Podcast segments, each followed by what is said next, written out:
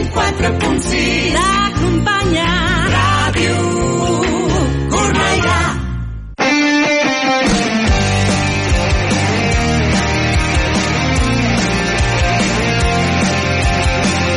L'esport al punt. Joel Gadé. Aunque duelan los pies,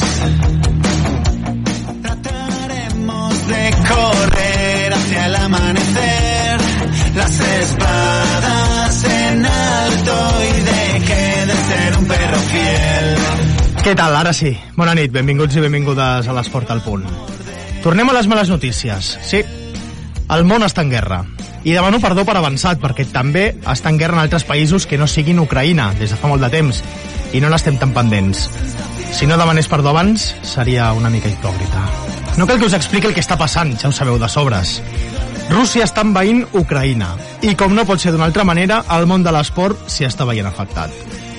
Per posar un parell d'exemples, la Lliga ucraïnesa s'ha suspès de forma indefinida i hem pogut veure casos de jugadors i entrenadors espanyols i catalans que han hagut de fugir a correcuita del país, com ara mateix eh, se m'acuden els casos de Marc Gual o de l'entrenador, Lluís Cortés. Però avui vinc a onejar ben fort la bandera de l'esport, ja us aviso, més fort que mai. No fa ni un mes, el passat 4 de febrer, les seleccions de Rússia i Ucraïna van enfrontar-se a les semifinals de l'europeu de futbol sala, quan la cosa ja començava a estar força tensa. I sabeu què va passar? Res. Va guanyar Rússia 2 a 3 i el partit va ser notícia per això, perquè no va passar absolutament res fora del terreny de joc ni dins tampoc.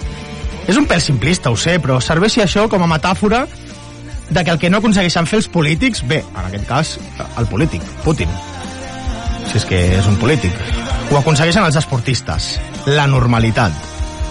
Doncs Putin, a veure si prens nota, que està morint gent, hi ha persones que estan fugint de casa seva. No em puc imaginar l'horror que deu suposar tot això. De veritat que no m'ho puc imaginar. Estem al segle XXI, prou ja de que mori gent per ambicions d'uns i d'altres. Ja n'hi ha prou. I mentrestant, que tot l'esport li segueixi girant la cara a aquest senyor de la guerra. Ara és quan més d'un, i més de dos, se n'adoraran que l'esport i la política doncs també van de la mà. Vinga, si us plau, que anem tard.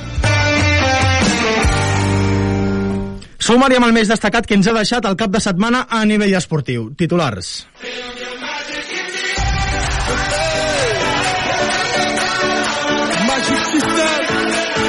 L'actualitat del dia a l'esport al punt.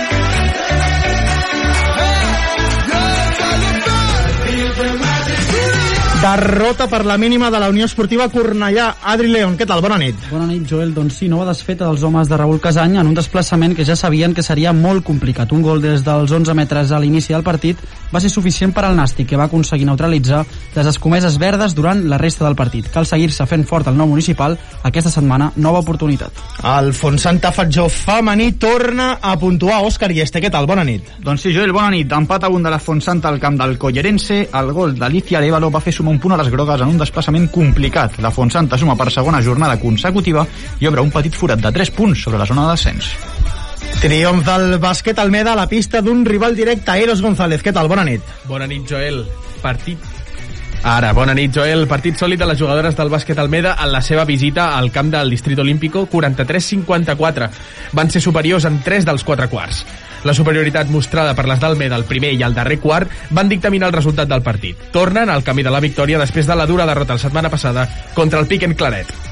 I dues medalles pel Cornellà Atlètic aquest cap de setmana. Cristina Moreno, què tal? Bona nit. Bona nit, Joel. A la jornada del Cornellà Atlètic al Campionat d'Espanya de pista coberta que s'ha celebrat a Orense, or als 60 metres llisos de Bernat Canet i bronze allargada per Jaime Guerra. Recordeu que també estem a les xarxes socials, podeu seguir el programa i també interactuar amb nosaltres a través del nostre compte de Twitter, arroba l'esport al punt, on a part també emetem el programa en directe.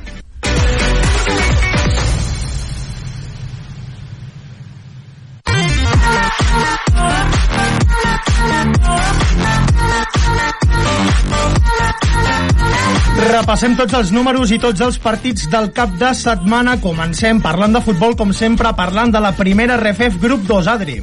Nàstic 1, eh, Cornellà 0 en aquesta jornada 25, queda 14 el Cornellà amb 32 punts, a 1 del 16, que és el Sevilla Atlético, marca en el descens, i a 8 del playoff que el marca el San Fernando. Propera jornada, partit molt complicat, però molt important aquí al nou municipal, jornada 26, Cornellà-Andorra, aquest proper diumenge a les 8. Més futbol, Cristina, primera catalana, grup 2, ràpidament no hi ha hagut jornada, però refresca'ns com està la situació del Sani. Recordeu que el Sani està 11 a la classificació amb 17 punts, empatat amb el 12, que és el Júpiter. La propera setmana jugaran amb camp del Sant Feliuent dissabte 5 a les 6 de la tarda. A les grasses seguim en futbol, baixem un esglaó a segona catalana, grup 3, tampoc hi ha hagut jornada pels dos equips de la ciutat que hi competeixen, Òscar. Doncs no, Joel, ni Almeda ni Fontsanta Fatjó han competit. Repassem la situació de l'Almeda. És 13 a 20, 20 punts, 6 victòries, 2 empats, 8 derrotes. Propera jornada, Almeda Camp Buixeres, dissabte 6 de març a les 12 del migdia. La Fontsanta, per la seva part, és 14, 17 punts, 4 victòries, 5 empats, 8 derrotes. Propera jornada també a casa, Fontsanta Fatjó Espluguenc, dissabte 5 a les 6 de la tarda. No deixem el futbol Eros en aquest cas perquè sí que hi ha hagut competició a Primera Nacional Femenina. Exacte, com molt bé ha comentat abans l'Òscar, a la jornada 20 que enfrontava el Collerense i la Fontsanta ha acabat el partit amb un empat a 1. A la classificació això suposa que encara segueixen dotzenes amb 12 punts, amb un balanç de 3 victòries, 3 empats i 13 derrotes i es troben més 10 sobre el QE i recordem que baixen dos d'aquesta categoria. La propera jornada s'enfrontarà a la Fontsanta i al Saragossa, a camp de, de la Fontsanta, que és el desè classificat diumenge 6 a les 5 i mitja. Seguim amb futbol femení. Adri, refresca'ns la memòria perquè tampoc hi ha hagut jornada preferent femenina subgrup 1A. No hi ha hagut jornada, es fa esperar una miqueta la, el títol de les nostres jugadores. Queden encara primeres amb 43 punts, més 1 sobre el Sant Cugat i més 3 sobre l'AM. Tenen un partit pendent, recordem la, les nostres noies. I aquest, eh, aquesta propera jornada sí que hi haurà partit. Rebran en aquest cas el Cuel, Verdú Vall del Corp, que no ha sumat encara cap punt, aquest proper diumenge a les 4.40 de la tarda. Torn pel basqueteros, torn per la Lliga Femenina 2. Exacte, la jornada 20 s'enfrontava el Distrito Olímpico, que ha acabat 43-54 a favor del bàsquet Almeda. A la classificació es troben vuitenes amb 26 punts, 9 victòries i 11 derrotes. La propera jornada enfrontarà el bàsquet Almeda contra l'EQSB Lleida dissabte 6 a les 6 i quart. Més bàsquet, Òscar, en concret a l'Ep Plata. Sí, jornada de descans pel Club Bàsquet Cornellà Joel. A la classificació repassem són sisens, balanç de 10 victòries, 9 derrotes. Propera jornada visitaran terres valencianes per veure's les cares amb el Safir Fruits al Ginet diumenge 6 a dos quarts de 7 del vespre. Deixem el bàsquet, anem al futbol sala, en concret a la divisió d'honor catalana, grup 2 sènior masculina. Cris. Doncs victòria per la mínima del Cornellà, Cornellà 6, Arrels 5, els cornellancs són vuitens amb 26 punts, a 19 del líder i 23 del QE. La propera jornada tindrem un Olesa Cornellà diumenge 5 a dos quarts de 5. Adri, ho tanques tu amb l'embol, a primera catalana, primera fase B. jornada important en aquest cas empat eh, poc vist en aquest cas en, en l'handbol. Sant Martí Adrianenc 27 en vol ràpid Cornellà 27 també. Queden cinquens amb 23 punts a 6 del líder i a 18 del QE i aquesta propera jornada rebran a les franqueses el diumenge a les 6 de la tarda. Ara sí, ja ho tenim tot sobre la taula.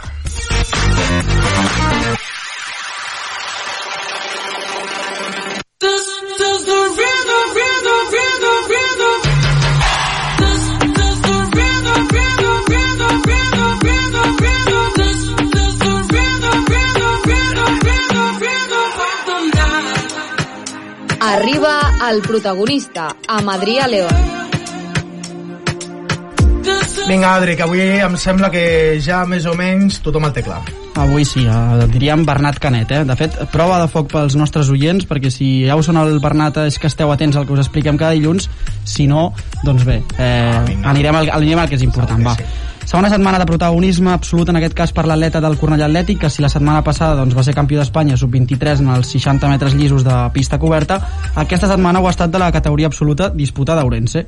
De fet, el Cornellanenc, a més a més, que ja ho va fer la setmana passada, torna a fer millor marca personal amb un crono de 6.61 i que alhora, a sobre, es converteix en la millor marca sub-23 compta amb això, de la història d'aquest país en els 60 metres llisos de pista coberta.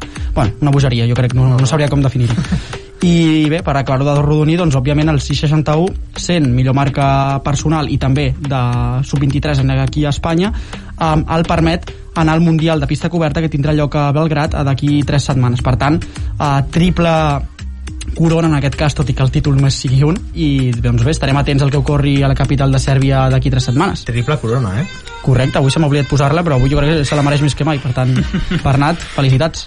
Ara el, ara el felicitem com cal, perquè el Bernat eh, Canet aquesta, aquest dilluns és el, protagoni el protagonista de la jornada, Veia Adrià León. Les 9 i 13 minuts del vespre.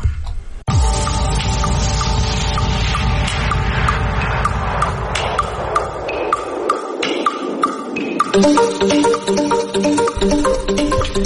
torn per començar parlant del eh, futbol. Mm, Què voleu? Primer parcel·la institucional o primer parcel·la esportiva? Anem per l'institucional, si vols. Sí, l'actualitat mana, no? Com diríem... Oh. Qui ho diria, això? Un, un mestre de la comunicació com, com l'Òscar Iester? Com el Joel Gavé, eh, aquest, Ah, el conductor d'aquest No em programa. facis la pilota tampoc, burro. Eh, anem amb la parcel·la institucional primer, perquè hi ha hagut notícia i de les grosses saltava la bomba aquest matí amb un eh, comunicat de la Unió Esportiva Cornellà on convocava els mitjans a les 7 de la tarda per anunciar una compareixença d'Alejandro Talavera, d'Àlex Talavera, del president del Club Verd, on, eh, en principi, anava a anunciar la seva dimissió com a president de, de l'entitat cornellanenca i així ha estat, així ha estat, ha anunciat que deixava el seu càrrec i d'aquesta manera s'acomiadava de la seva afició. El primer de tot, mm, bona tarda a tots i totes, eh, gràcies per, per assistir. El que és per mi un dia molt difícil però il·lusionant a la vegada. Difícil perquè avui deixo al darrere quasi 10 anys de vivències excepcionals dins la Unió Esportiva Cornellà. El meu club, una etapa irrepetible. Il·lusionant perquè també es preveuen nous i reptadors projectes d'ara endavant. Avui dimiteixo com a president de la Unió Esportiva Cornellà. Doncs eh, per Talavera es tanca una etapa eh, més que profitosa i s'obre una altra. Aquestes eren les paraules del president de l'entitat eh, Verda. Ha recordat també durant la seva compareixença eh, tot el seu mandat. Ell va començar al desembre del 2012. Hi ha hagut eh, ascensos de categoria de tercera a segona B. Hi ha hagut tres play-off d'ascens consecutius de segona B a segona. Sí. Hi ha hagut aquest ascens és que mai sé si, sí. mai sé si dir-li ascens o no Sí, sí, a sí. primera RFF i s'han recordat de, de molta gent, de molts futbolistes que han passat pel club cornellanenc, han anomenat a Jordi Alba, a Javi Puado, a Keita Valde, eh, aquesta llista de, de jugadors il·lustres que van un dia passar pel nou municipal i també eh, li han ofert un vídeo on diverses personalitats amb què havia comparegut un vídeo no apte per nostàlgics tot s'ha de dir perquè he vist que hi apareixien personalitats com Jordi Roger Uf, com Pep Cavaller com Edgar González molts noms. clar, Ramon Juan, Agus Medina Mm. Clar, és que amb Talavera al Cornellà podríem dir metafòricament no que ha tocat el cel. home, Sí, sí. D'on va agafar el club on, on l'ha deixat eh, diguéssim que ni els més optimistes. Totalment, sí, sí. ni els més optimistes s'ho esperaven. A més Talavera, un home que tal i com va venjar les botes, els guants en aquest cas va passar a la presidència. És a dir, una, una ascensió meteòrica no només de càrrec sinó també al propi, al propi camp de, de futbol. Vinga, sentim més de, de l'expresident ja de la Unió Esportiva Cornellà. Desde el primer día he intentado ser una persona de club y de fútbol, cercana, leal a los míos, comprometida y solidaria, haciendo un trabajo de equipo que, queriendo dejar huella, siempre fuese sin pisar a nadie. Doncs sí que deixa, sí que deixa empremta eh, amb quatre pinzellades Eros, tu ho has viscut des de dins també has estat a la compareixença Òscar, Adri, vosaltres també heu seguit els últims anys de la Unió Esportiva Cornellà amb què us quedeu de l'etapa de, de Talavera com a president? Jo crec que potser el, el canvi de- d'estadi, de, de venir de la via fèrrea i arribar al nou municipal, jo crec que va ser el punt de partida d'aquest projecte que ha arribat a la primera RFEF i jo em quedaria amb aquest moment, que va ser històric, el moment d'inaugurar el nou camp. Jo em quedaria amb aquest moment. Jo, el programa del Talavera el 2012 portava la creació d'un equip femení i no sols el s'ha creat, sinó que ara el tenim el primer equip aquí a Preferent, liderant, amb l'ascens pues, a tocar i tota una base de, de nenes i noies i dones que estan podent jugar a futbol en un altre equip de Cornellà en una cursa que va començar al Font Santa no diria una cursa sinó una masia, una cantera que va començar al Font Santa i que s'amplia amb el Cornellà i que això sempre és bona notícia per la ciutat Eh, aquesta era una de les notes eh, perdoneu, ara, sí. ara seguim aquesta era una de les notes que comentava Talavera com eh, dels actes en que més orgullós se sent com a president de, de la Unió Esportiva Cornellà durant el seu mandat i també feia referència a l'Insercor Hmm, sí, a la impulsió a, a la, a haver impulsat aquest, eh, aquesta vessant del club i això sí que sense apel·latius ha dit que és del que més orgullós està com a president de, del Cornellà, Adri Òscar. Sí, jo més carrer de, de fites esportives també em quedaria, com bé has comentat Joel, eh, amb la seva com dirien, cercania, no? que és una persona molt propera, tot i ser un president d'una d'una entitat important com ha sigut i és la Unió Esportiva Cornellà, sempre que, que hem visitat eh, el nou municipal doncs ens ha, ens ha tractat de Déu i, i jo personalment em quedo amb això i li, li vull agrair des d'aquí no? el, el tracte que ha tingut amb, amb nosaltres i personalment amb mi i jo suposo, més que res per no, no seguir el Cornellà des, de, des del 2012 el moment on, on entra ell jo em quedaria sobretot amb, amb aquestes últimes temporades on al final no només demostres que l'equip eh, o el club eh, té qualitat i té eines per seguir creixent, sinó que ho fa un any darrere l'altre, vull dir, no, no veig el Cornellà almenys des de que jo el segueixo estancat. Um, una, bueno, una temporada següent, la, la temporada següent sempre ha estat millor que l'anterior i això des de que va començar o vaig començar jo aquí a la ràdio la veritat que és alguna cosa que s'ha de destacar perquè és molt complicat i més en, en les categories on es troba el club en almenys en la categoria masculina. I òbviament com ha comentat la Cristina doncs també la femenina. Per tant eh, destacaria potser si no per, per fer un cara més concret l'ambició. L'ambició tant del president com des de tota l'entitat des, de, des de dins Doncs sí, eh, aquest ha estat el mandat d'Alejandro Talavera del 2012 al 2022, gairebé 10 anys, on eh, el creixement del club ha estat absolutament meteòric, sense pal·liatius i gairebé sense adjectius també per, per qualificar el, la dimensió nova que ha adquirit la Unió Esportiva Cornellà.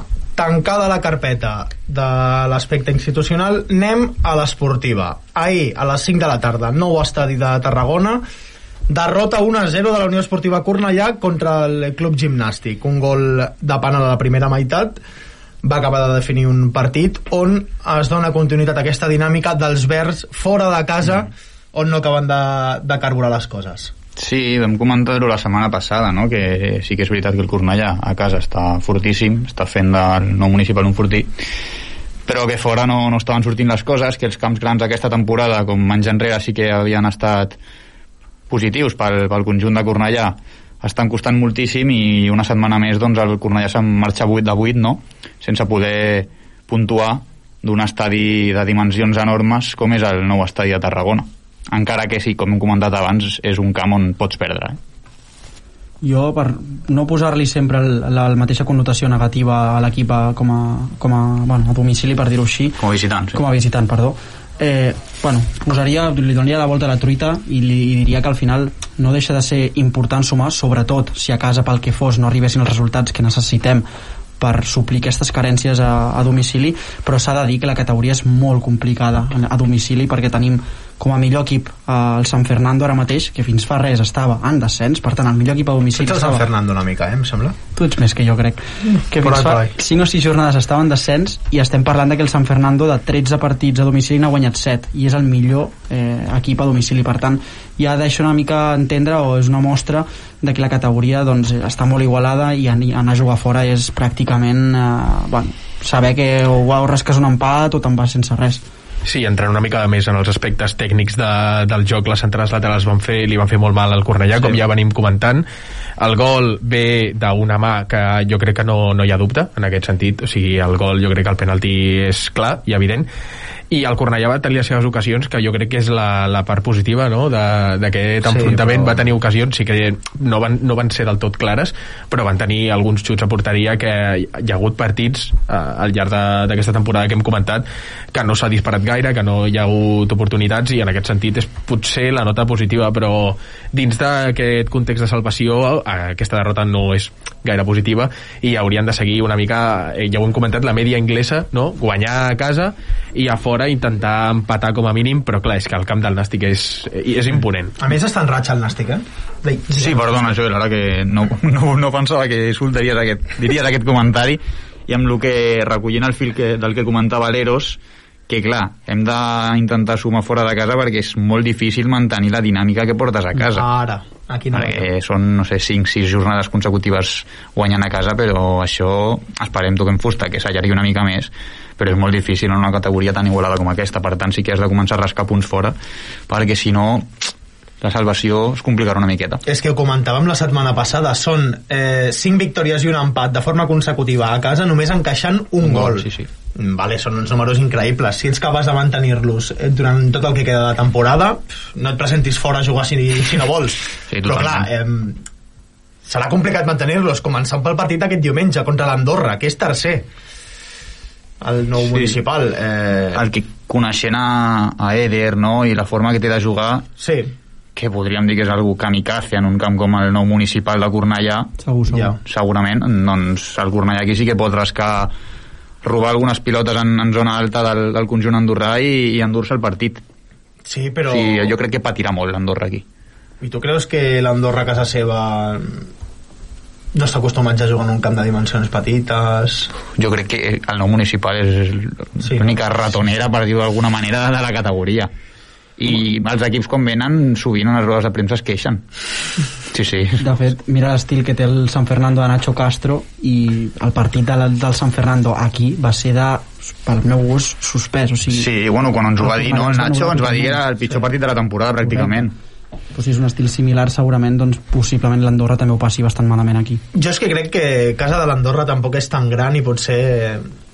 Allà tinc altres expectatives també de Dorseràvia, però també confio en, en que la Unió Esportiva Cornellà sàpiga jugar les seves cartes com porta fent durant aquest tram de temporades que clar, és el que comentàvem. 5 victòries consecutives i un empat i només un gol encaixat en aquests 6 partits. Són números mm, de, de, playoff. de playoff. És que no hi ha més. Això pel que fa a la primera no, perdona, abans ahir hem de comentar una cosa. La retirada de David García exjugador de la Unió Esportiva Cornellà present, entre d'altres, aquella eliminatòria de Copa del Rei setzents contra el Madrid a la temporada 14-15 Recordem, el club li entregarà la insígnia de plata de l'entitat el dia 27 de març en un partit al nou municipal contra el Costa Brava. Per cert, rival propici pel Cornellà jugant a casa. Que, per cert, el Costa Brava també va ser eh, exequip seu. Mhm, Sí, sí.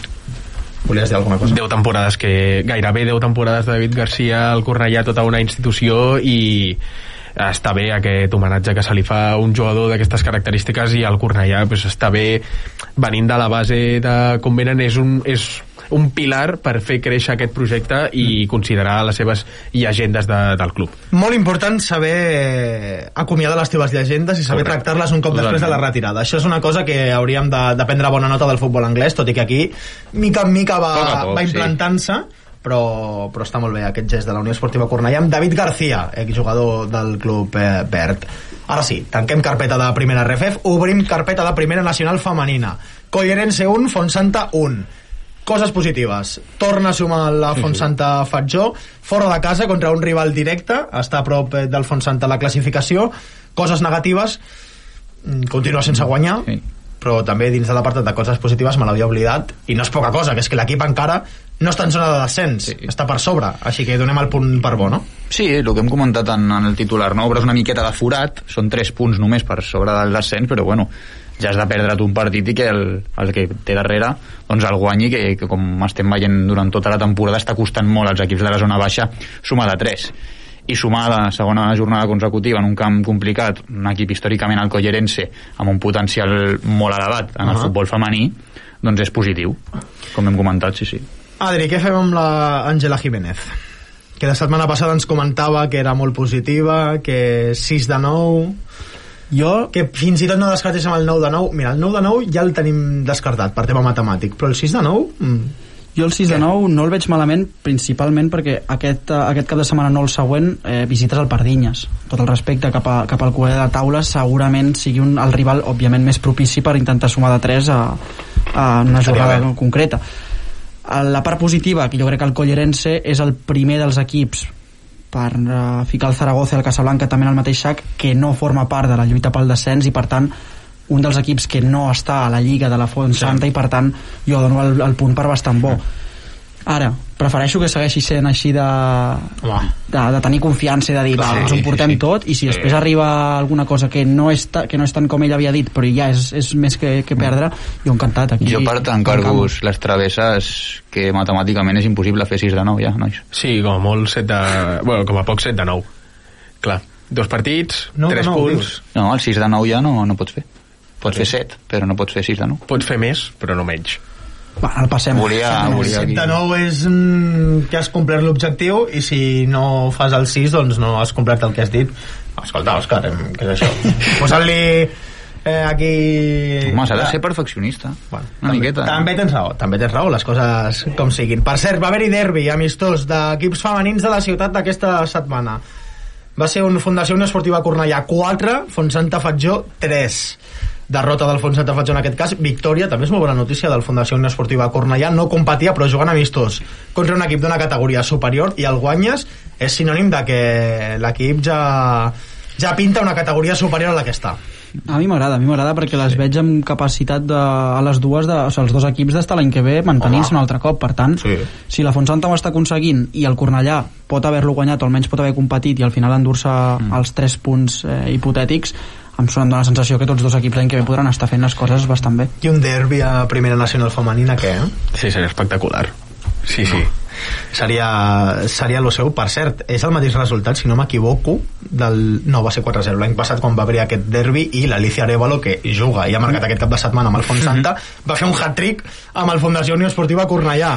Aquí deixant eh, un equip de la ciutat per marxar a l'altre. Per cert, eh, notícia d'aquesta setmana, eh, no gaire agradable de comentar. Eh, Paula Martín, eh, jugadora del Font Santa Fatjó, va denunciar a través del seu compte de Twitter comentaris masclistes de l'àrbitre del partit entre el Font Santa Fatjó i el Molins de Rei. Eh, bé, mm, jo ho deixaria aquí perquè potser no tenim programa dilluns vinent si comentem amb, si seguim amb el tema aquest Joel, si em permets, abans Sí, sí. que comentessis aquest tema de la Paula, jo est- m'estava passant pel cap.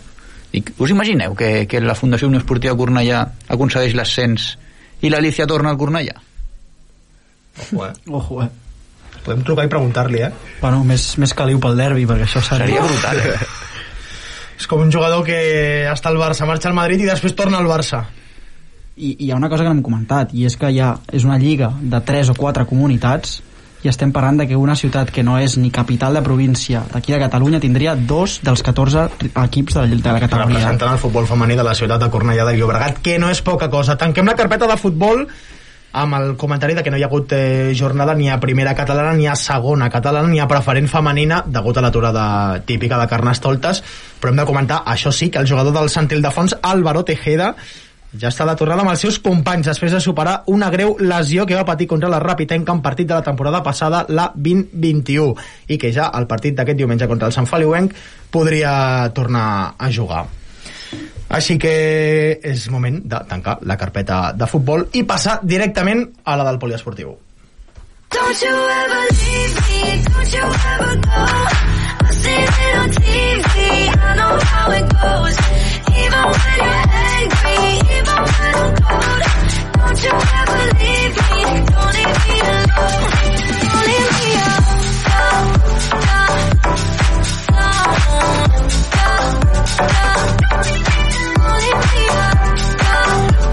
Aviam, Adri, que això és el teu camp. Avui al poliesportiu parlem d'atletisme, en concret del Campionat d'Espanya absolut, on absolut ha estat l'èxit del Cornellà Atlètic en aquest Campionat d'Espanya. Doncs sí, uh, de fet ara ho, po ho podrem comprovar, però si ja ho comentàvem abans que el Bernat Canet havia estat or absolut en els 60 metres llisos, també tenim una altra medalla, en aquest cas, del Jaime Guerra, que ha estat bronze a, a la llargada, per tant... Eh, Salt de llargada, no? Salt de llargada, correcte, sí, sí. Que podria ser triple salt, perdó, salt de llargada. D'aquest de... Ara no em sortirà, eh? La- L'atleta venezolana. Yolimar Rojas, pot ser? Correcte. Correcte. Triple. Mora meva. Sí, això és triple, això és triple. Ah, vale. Mar es triple. Però bé, Y ya em perdonareu, eh? Si te vienes a España, es triple también. Ah, vale, vale. Que a ti te gusta mucho esto. Sí, sí, sí. A mi jo els Jocs Olímpics m'ho passo tot, eh, no, no us enganyaré. sí, sí, sí. Estem d'acord. Però vaja, eh, el, el que comentaves, no? Eh, actuació descollant dels atletes del Cornellà Atlètic que, a més a més, ho comentaves abans a la secció del protagonista, tenen eh, en les seves mires viatge a Sèrbia. Sí, sí, i, i d'aquí poc, per tant, d'aquí tres dilluns podríem estar comentant aquí que tenim eh, problemes per decidir un protagonista o altre si els dos fan bon Se'ns paper. quedarà un eh, l'esport al punt molt internacional si Paul McGrath eh, ens agafa el telèfon quan estigui a Oman si també ens l'agafen els del Correia Atlètic quan estiguin a, a Sèrbia això, escolta eh, per comentar les proves eh, a nivell més tècnic, Adri eh, 60 metres llisos això és eh, explosivitat pura i dura, no? i bueno, ara parlarem, parlarem amb ell però és explosivitat pura i dura i a sobre jo que no he fet mai tampoc eh, velocitat, no, no sóc atleta però almenys alguna cosa puc eh, acabar d'aclarar, jo crec que és encara més difícil, o sigui, el marge d'error és molt més petit que en els 100 metres llisos, perquè Home, al final clar. eh, és si acortes la distància eh, acortes també el marge de, de maniobra si Correcte. surts malament o si tens algun inconvenient els teus desitjos saps que sempre són ordres perquè ja ens escolten a aquesta hora de la nit el Bernat Canet, campió d'Espanya de 60 metres llisos i el Jaime Guerra, bronze en salt de llargada. Bernat, Jaime, què tal? Bona nit. Hola, bona nit. No sé si tenim el eh, Jaime per... Mm, sí, sí, han dit els sí, dos. bona tenim els dos? sí. Ah, vale, vale. Mm, em perdoneu, em perdoneu. Primer de tot, Bernat, Jaime, Jaime, Bernat, com van les celebracions? Per, Bernat, per aquí genial, no, molt bé. El, estem amb, amb la família i els amics que encara assimilen-ho tot. Com que no, no ens entra al cap. Bé, doncs, Jo, la veritat, Sí, sí, digues, digues, és perdona. que vaig celebrar ja dissabte i ara ja avui he començat ja a entrenar de cara a l'aire a l'aire lliure i ja està. I ja no, no celebro res més, ja em poso a entrenar i ja està. Però què és això? què és això? S'ha posat a entrenar avui, ja. Aviam, aviam, això, jo, jo no m'ho explico, això, eh? Però ni una, ni una mica de celebració, de, de, de, de, de descansar pensant demà ja si és on poso a entrenar, però avui celebro, no? Ni això? El dissabte vaig celebrar. Ah, vale, vale, vale, vale, vale, vale, vale. Ja estem a dilluns, ja, ja hem començat la setmana i ens hem de posar a entrenar. Escolteu, eh, no sé si ja sabeu que sou els herois, els referents per, per aquest club, el Cornellà Atlètic, pel que heu aconseguit en aquest campionat d'Espanya de- d'Ourense. Sí, bueno, això és un, és un mèrit, és un èxit conjunt. Ells formen part d'això, ells ho saben, sense ells no, no seria possible. Sí, la sensació de, de família que, que hi ha al Cornellà sempre ajuda molt a, a l'hora de competir. Jo crec que això és algo que, que ens fa únics i per això destaquem com a club. entrant una miqueta ja a la, a la situació de cada un per, per, bueno, per una banda eh, Bernat en aquest cas tres campionats guanyats en tres caps de setmana un autonòmic, dos estatals això és un rècord també, no? Això havia passat un cop aquí a Espanya, aquí a Catalunya No sé si havia passat, però la veritat és que ha estat increïble. Han estat bueno, aquest mes molt intens, entrenant, hem estat entrenant molt bé, ens hem preparat molt bé i, i sempre és difícil, però les coses han acabat sortint. um, uh, aprofitant també que ho comentàvem abans uh, has tornat a fer millor marca personal aquest cap de setmana rebaixant, si no vaig errat són 6 mil·lèsimes el, el que vas fer a Salamanca a les proves de velocitat tot va per detalls. Qualsevol error es paga molt car. Com, com has preparat aquesta setmana i quin marge de, de millora tenies? Perquè al final és pràcticament impossible baixar la marca La veritat és quan, quan el cap de setmana passat vaig fer la meva millor marca personal en aquell moment de 6 segons amb 68 centèsimes, jo pensava que, que em costaria moltíssim més baixar marca i aquesta última setmana m'ha costat entrenar perquè estava molt, molt cansat i no m'acaben de sortir les coses, però bueno, anàvem en bona forma al, al campionat i confiats. I, i ha sortit, no, no sé com dir-ho, crec que està per la, pels ànims i la força de la gent més propera que, que m'ha donat energia per, per baixar-la. Perquè com heu dit són, són detalls mínims que, que és difícil que surtin Bueno, aprofitant una mica aquesta pregunta i els detalls mínims que comentava el Bernat, Jaime, aprofitant això, la llargada tampoc té gaire marge d'error. En el teu cas, com, com es prepara aquest, aquesta competició? Bueno, jo, la veritat, sent, sent, sent sincer, eh, no m'ho he preparat molt, perquè... Estudiant d'última hora. Que sobrat, Jaime. Aquí ens coneixem, aquí ens Que coneixem. sobrat. Sí, sí. No, però és que, és que he estat la, mig lesionat, bueno, sense el mig, vaig estar lesionat fa un Ah, mes bueno. i fa dues setmanes em va passar una cosa al, a l'Isquio que no sabia fins a que, el dilluns passat si competiria o no i, i res, vaig anar sense haver fet molt l'últim mes i mira, em va sortir bé, vaig igualar la marca personal i ja està, i bueno, vaig fer un bon nul de aproximadament 8 metres que ja sortirà a l'aire lliure. El tema aquest dels nuls que, que comentes ara, uh, què vol dir això de fer un bon nul? Perquè per molts oients pot sonar una mica, una mica estrany.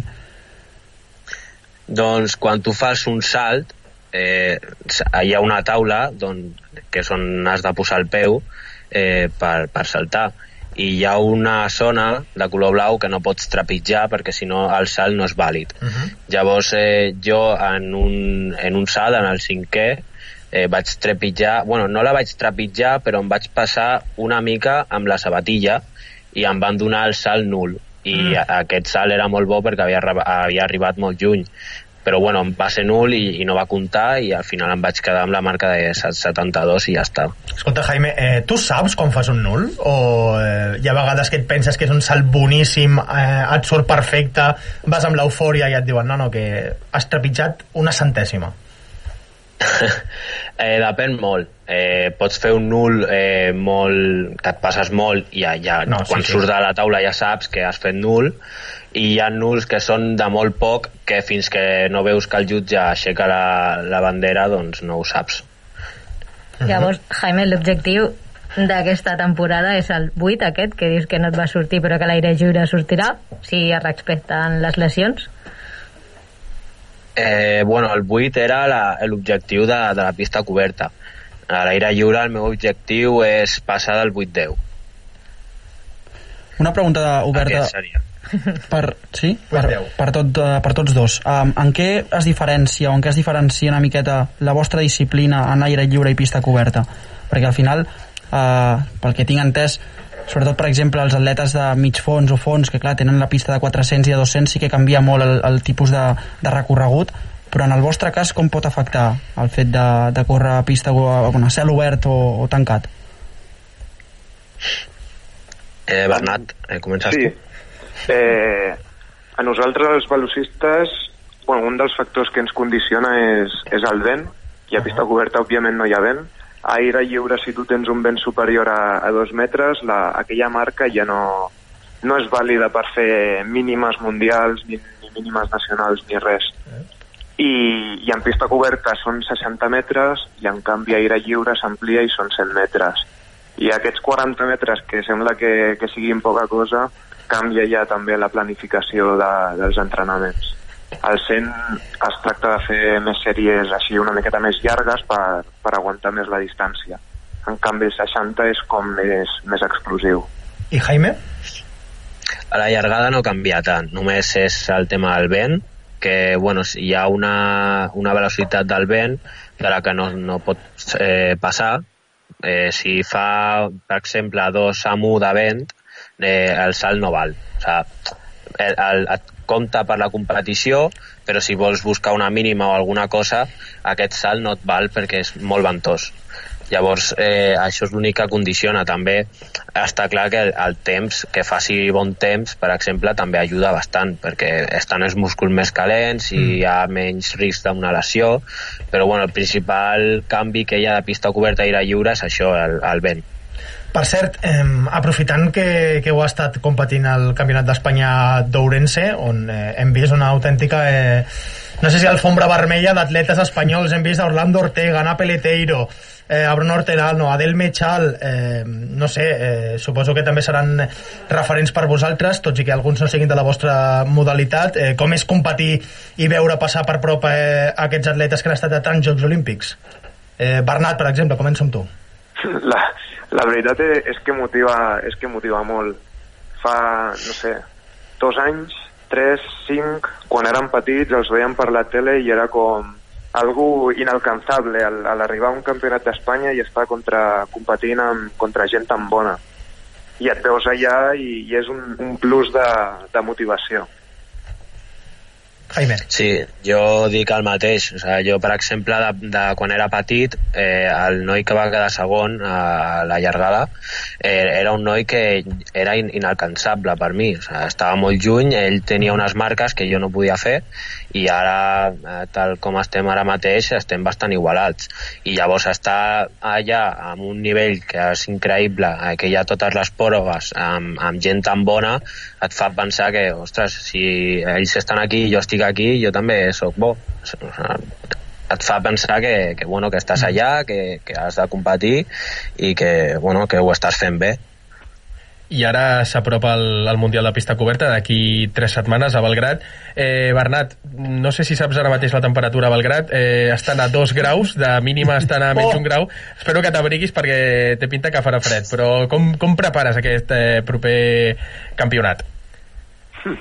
Pues sí, sí, ens haurem d'abrigar. eh, jo ara mateix estic en, ara estic descansant, dijous jo reprendré els entrenaments i la veritat és que no, encara no ho he parlat amb el, amb el meu entrenador com ho afrontarem, però confio molt en ell i segur que, que arribem amb, amb un bon estat de forma. Doncs eh, dit queda Bernat eh, Canet, or als 60 metres eh, llisos del campionat eh, d'Espanya a Ourense i Jaime Guerra, bronze al salt de llargada, també amb millor marca personal. Eh, Bernat, Jaime, Jaime, Bernat, moltes gràcies per passar-vos per l'Esport al Punt i moltíssimes felicitats pel que heu aconseguit aquest cap de setmana. Gràcies a vosaltres. Gràcies. Bona nit. Doncs aquests dos eh, medallistes eh, increïbles del Cornellà Atlètic en representació també de la ciutat eh, de Cornellà que han eh, tocat el cel el Campionat Mundial d'Espanya Campionat Mundial d'Espanya no, potser aquí m'he una mica el Campionat d'Espanya eh, d'Ourense. Vinga, que entra per aquí ja un home que avui serà mai innocent.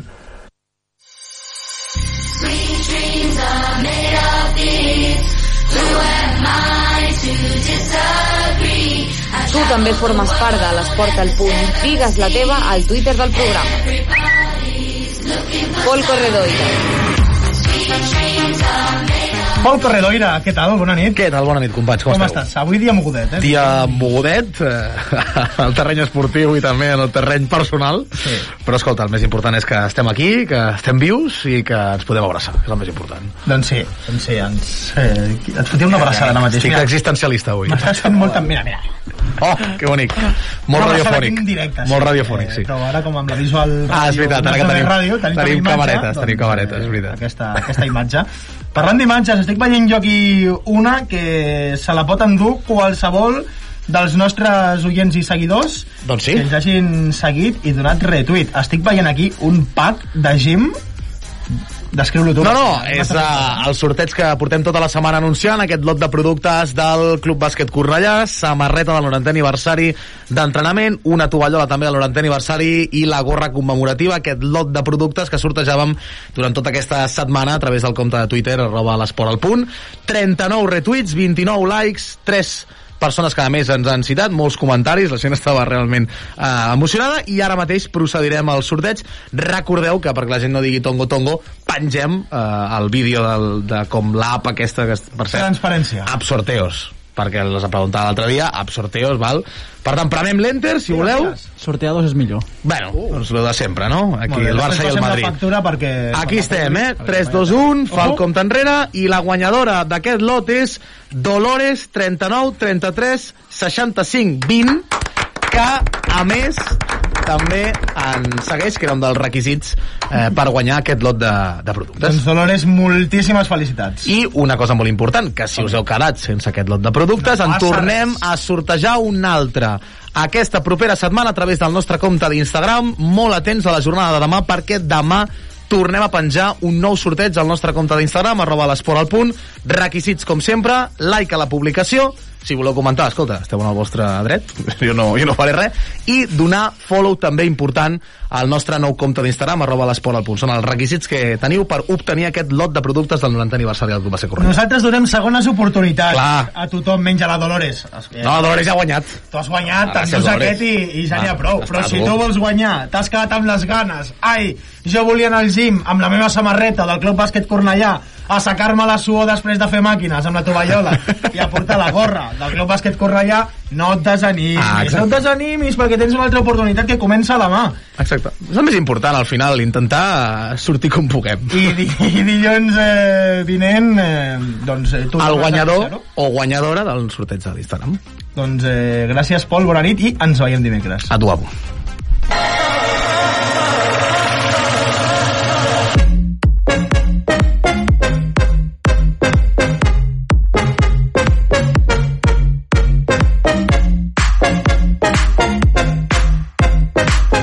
Bàsquet, bàsquet, bàsquet, bàsquet. Avui hem de parlar de bàsquet per tancar el programa en concret d'un club eh, que no té tants focus com, per exemple, el Club Bàsquet Cornellà o el Bàsquet Almeda, però el que està fent aquesta temporada és digne de menció. Estem parlant del bàsquet femení Cornellà, en concret del seu primer equip eh, femení que competeix a la tercera categoria femenina.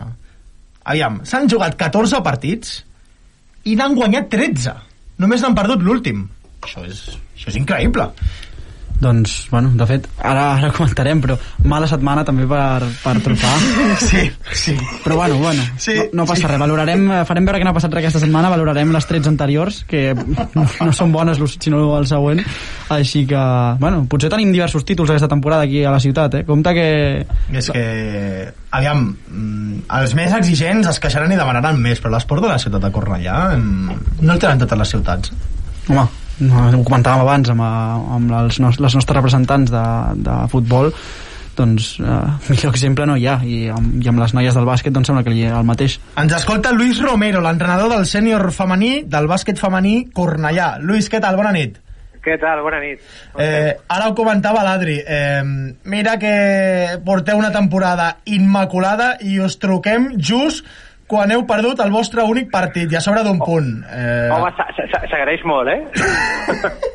que us en recordeu nosaltres quan perdem. ja és, ja és, mala, ja és mala pata, eh, que diria, que diria aquell, però escolta, els números són gairebé immaculats, només perdeu un partit, d'un punt jugant com a, com a visitants. Eh, no sé si és la temporada perfecta, però si no ho és, eh, se li assembla molt, no? Home, no, no, no, no ho esperàvem, eh? També us ho dic, ho dic ara mateix. No, no esperava ni qualsevol partit igualat ho hem tret, no? Aquesta derrota al camp del Sant Boi eh, ens ha afectat una miqueta, psicològicament, això és evident, però les coses continuen funcionant molt bé. La veritat és que ara mateix estem entrenant com a motos i, i va ser realment un partit amb un triple final Ah. ben defensat i que el van enxufar. Bueno, en aquests casos poc eh, queda dir. Escolta, doncs dones la mà i, i has perdut, no, no Home, passa res. i tant, i tant. I a més, eh, també és mala sort que eh, sigui una setmana on no hi hagi partit després d'aquesta derrota que tu et quedes donant-li voltes al cap ai, que podria haver fet, que no i tens dues setmanes fins que arribi el proper que això sembla quan vens de, de derrota costa una mica més, no? Eh, mira, aquí tens tota la raó. Absolutament tota la raó. Vull dir, no és el mateix, no és el mateix intentar tornar a pista ràpid i intentar tornar Clar. a guanyar partits i sobretot el partit que toca ara, no? que és el Prat, que és un, partidarro, que, que entrar en aquest, aquest partit després de dues setmanes d'entrenar evidentment d'una miqueta de, no mala cara, però sí, hòstia, una miqueta de mala llet, no? Després del que ha passat, però ja et dic, les jugadores estan, estan com a motos igualment, eh? Vull dir, no, no, no passa res. Mira, a més, tal com és el sistema de competició aquesta temporada, doncs mira, millor que la derrota vingui ara, que ja estem classificats i que, que vingui la fase d'ascens, evidentment. Lluís, mira, ara comentaves just el tema de la fase d'ascens. Quin és l'objectiu de- d'aquesta temporada? Uh, veient ara que ha arribat la primera derrota, potser és bon moment per, per, fot, Mira, per, per eh, veure-ho bé, vaja. L'objectiu era jugar bé. Aquest era l'únic objectiu que teníem. Eh? Realment perquè després d'una temporada molt estranya l'any passat, no? que gairebé no es va jugar, i un equip que, bueno, que és una mica nou, la meitat són de casa, la meitat són de fora, i són totes jugadores que estan entre 19 i 22 anys, eh, un equip superjove. I l'únic objectiu que teníem era jugar bé. Eh, si això ens portava a, jugar, a guanyar 10 partits, perfecte. Que ens portava a guanyar 15, doncs millor encara, no? i clar, de cop i volta ens hem, ens hem vist ficats a, a la fase d'ascens clar, ara mateix qualsevol del club o qualsevol persona pensa home, ara, ara, ara que ja estem aquí pujarem, no? Va, és molt complicat és molt, molt, molt, molt complicat llavors l'objectiu és continuar a jugar bé i, i a veure això fins on ens porta si ens porta a estar realment lluitant per l'ascens fins l'última jornada de la fase d'ascens, genial Que no ens porta això? Mira, com et dic, tothom entre 19 i 22 anys, amb això farem. Escolta, Lluís, eh, ara ho comentaves, eh, és complicat, però tenint en compte la dinàmica de l'equip durant tota la temporada, on només hi ha una derrota i en les circumstàncies que comentàvem abans, ja no dic per vosaltres, perquè si veniu amb aquesta dinàmica tan engrescadora, eh, tot sembla que surti un pèl més fàcil, però també per les rivals. Escolta, que pensaran a la fase d'ascens, mira com venen les del bàsquet femení Cornellà, quina, entre cometes, putada jugarà contra elles. Eh, no sé si és objectiu, ja has comentat que no, però mm, somni, possibilitat real, eh, podríem dir-ho així? Possibilitats reals sempre n'hi ha, però també és cert que és un grup de quatre aquesta fase d'ascens i tots quatre equips que arribem allà eh, tindran aquest mateix pensament, no? Sí. Tothom entrarà amb un 80% de victòries a la temporada, una cosa així. Llavors, a- això serà un objectiu de tothom. I això d'entrar primers de grup, evidentment, això et pot ajudar al primer quart del partit. A partir de llavors, clar, home, si comença el primer quart 20 a 4, perfecte, no? Home, però sí. si no, la, si el partit està igualat, suposo que això s'anirà ràpidament, no? De, del cap. Però evidentment que sí, és un avantatge eh, no ja tant per l'altre equip, sinó per les nostres pròpies jugadores, no? Que, que estan molt confiades i que veuen que juguen bé, que anoten amb facilitat, que entren, que entra al tir exterior, home, evidentment, això sempre ajuda, evidentment. Lluís, uh, comenta'ns una miqueta com funciona el sistema de, de play-off i el descens. Quants equips pugen? Perquè, clar, veient Sí. sí. per als nostres oients és una mica difícil d'entendre com, pot, bueno, com pot anar l'equip 13 a 1 i que les possibilitats siguin complicades. Sí, correcte. Mira, és, és, és bueno, força senzill d'entendre. Eh, hi ha vuit grups a tercera catalana eh, de 12 equips. El nostre és 10 per renúncies que va haver-hi, però bueno, són 8 grups de 12 equips. Llavors, els quatre primers de cada grup entren a la fase d'ascens. I aquesta fase d'ascens són minigrups de 4 equips i tu només jugues contra equips d'altres grups de la primera fase. És a dir, Mm. nosaltres, aquest grup que ara està doncs, amb, el Barça C, el Prat, eh, les Plugues, aquests no els tornarem a veure a la fase d'ascens i ens, tornarà, ens tocarà doncs, el segon, el tercer i el quart d'altres grups. I a aquest minigrup de 4 només el campió puja. Clar, eh, i, i, i tornes a començar de zero victòries, no? Eh, clar, llavors és una mica, pot ser una mica injust, no?, si ho ves així, però, bueno, al final, si estàs en una bona dinàmica, no hi ha cap excusa, no? Doncs eh, un dels rivals que no us trobareu, Lluís, és el eh, Prat B, que és el, pros, el vostre proper rival. Si el guanyeu, no sé si diria jo ja que la primera plaça és vostra, de forma definitiva. Ostres, com es nota que no estàs aquí dintre, eh? Soc molt optimista, no? Home, clar. No, mira, eh, si et soc sincer, el Prat eh, és l'equip que més problemes ens ha posat aquest any. Eh, vam començar allà, vam perdre de 10 al primer quart i ens va costar moltíssim guanyar. Eh, I és l'equip, personalment crec que l'equip que l'equip amb més qualitat del grup, més que nosaltres, eh? les coses com són. Però ens va sortir molt bé el partit allà i aquest partit, bueno, aquest- d'aquest dissabte, és cert que si el guanyem, jo et diria que com a el pitjor que pot passar és que acabar segon. Després també tenim el dia 19 de març aquí el Barça C, que home és el Barça. no t'enganyaré. vale. I, i, I van segons i, bueno, serà complicadet. A veure, és un final de lliga una mica complicat, però, bueno, ho encarem amb moltes ganes, evidentment. Eh, jo no seré qui et porti la contrària, Lluís, però els números no diuen que el Prat és la, el millor equip de la categoria, eh? Diuen que és el bàsquet femení Cornellà, que és el més anotador, que és el que menys encaixa també, perquè, clar, hi ha equips que tenen dos partits menys, però... Dir, Eh, truques a Ràdio Cornellà, oi? ah, ah, ah. No, la diferència de punts és molt, o sigui, és molt grossa en comparació al mateix Prat o, o al Barça. Sí, saps què passa? Que, que per ser un equip tan jove, nosaltres hem apostat a jugar, què et diria, molt alegre, per dir-ho així, no? Amb moltes possessions, eh, atacs molt ràpids, és molt complicat que nosaltres tirem després de 20 segons, eh? Ens ataca atacar molt ràpid, i una, un, un sistema defensiu doncs, també una miqueta agressiu, a robar pilota. Eh, bueno, evidentment això fa que els números globals evidentment siguin aquests, no? De, de ficar molts punts i de, en aquesta defensa que mai posem zona, sempre, sempre anem cara a cara, molt individual, jugant amb molts traps tota la pista. Clar, això fa que als altres equips li costi anotar també. o fins ara ha estat així. A partir d'ara... No, no segur, què segur que continua. Si, Però eh, fins ara ha estat així. si porta passant 14 partits, el 15 mm, no crec que canvi la cosa tan, de forma tan radical. Tant de bo, tant de bo, tu. Segur bo. que sí, segur que sí. Eh, Míster Luis Romero, eh, moltíssima sort per aquesta final entre cometes contra el Prat B, eh, que serà un partidarro, com tu comentaves abans, i gràcies per passar-te aquesta estona per l'Esport al Punt. No, home, moltíssimes gràcies a vosaltres per trucar-nos i, i escolta'm, si us voleu passar dissabte a tres quarts de vuit, aquí serem. Escolta, eh, no, és, eh, no és mal plan, eh? Suculent, suculent. Suculent. Eh, doncs, Després sopem. Ah, bueno, ah, va, ja, ja està, ja ens has guanyat. Eh, ens tens allà el dissabte per la tarda i després per a lo que surja. Luis Romero, eh, míster, moltes gràcies. Molt bé, moltes gràcies a vosaltres. Una abraçada. Les paraules del míster del primer equip femení del bàsquet femení Cornellà, que està fent un tros de temporada increïble. Hi ha molts equips aquesta temporada, estan Molt, eh, molt bé. picant pedra i estan super, super bé. Aviam, eh, secció de la Cris, més poliesportiu. Pues, Eh, a- ara que parlem de clubs que ho estan fent molt bé, parlem dels nostres amics del Triatló Cornellà, que la setmana passada el Duatló per Relleus de Pineda van aconseguir els primers podius de campionat de Catalunya Ma. del club. No un, no, tres.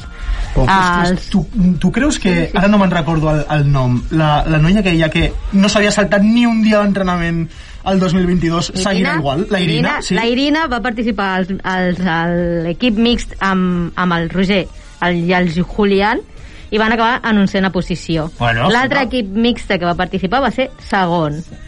Els nois van ser subcampions de Catalunya també i les noies van acabar terceres de Catalunya.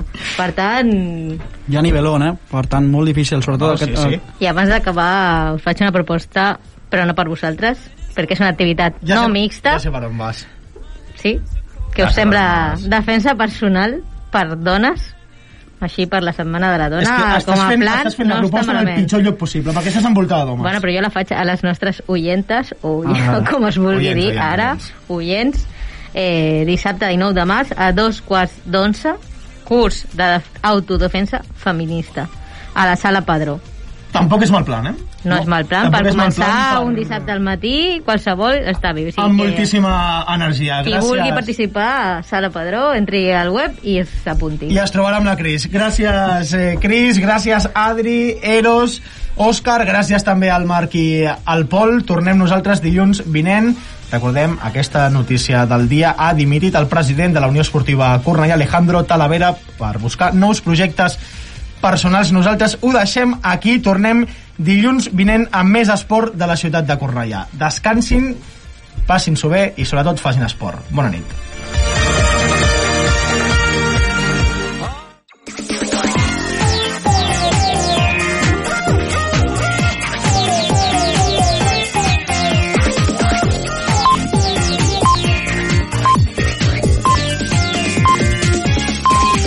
Són les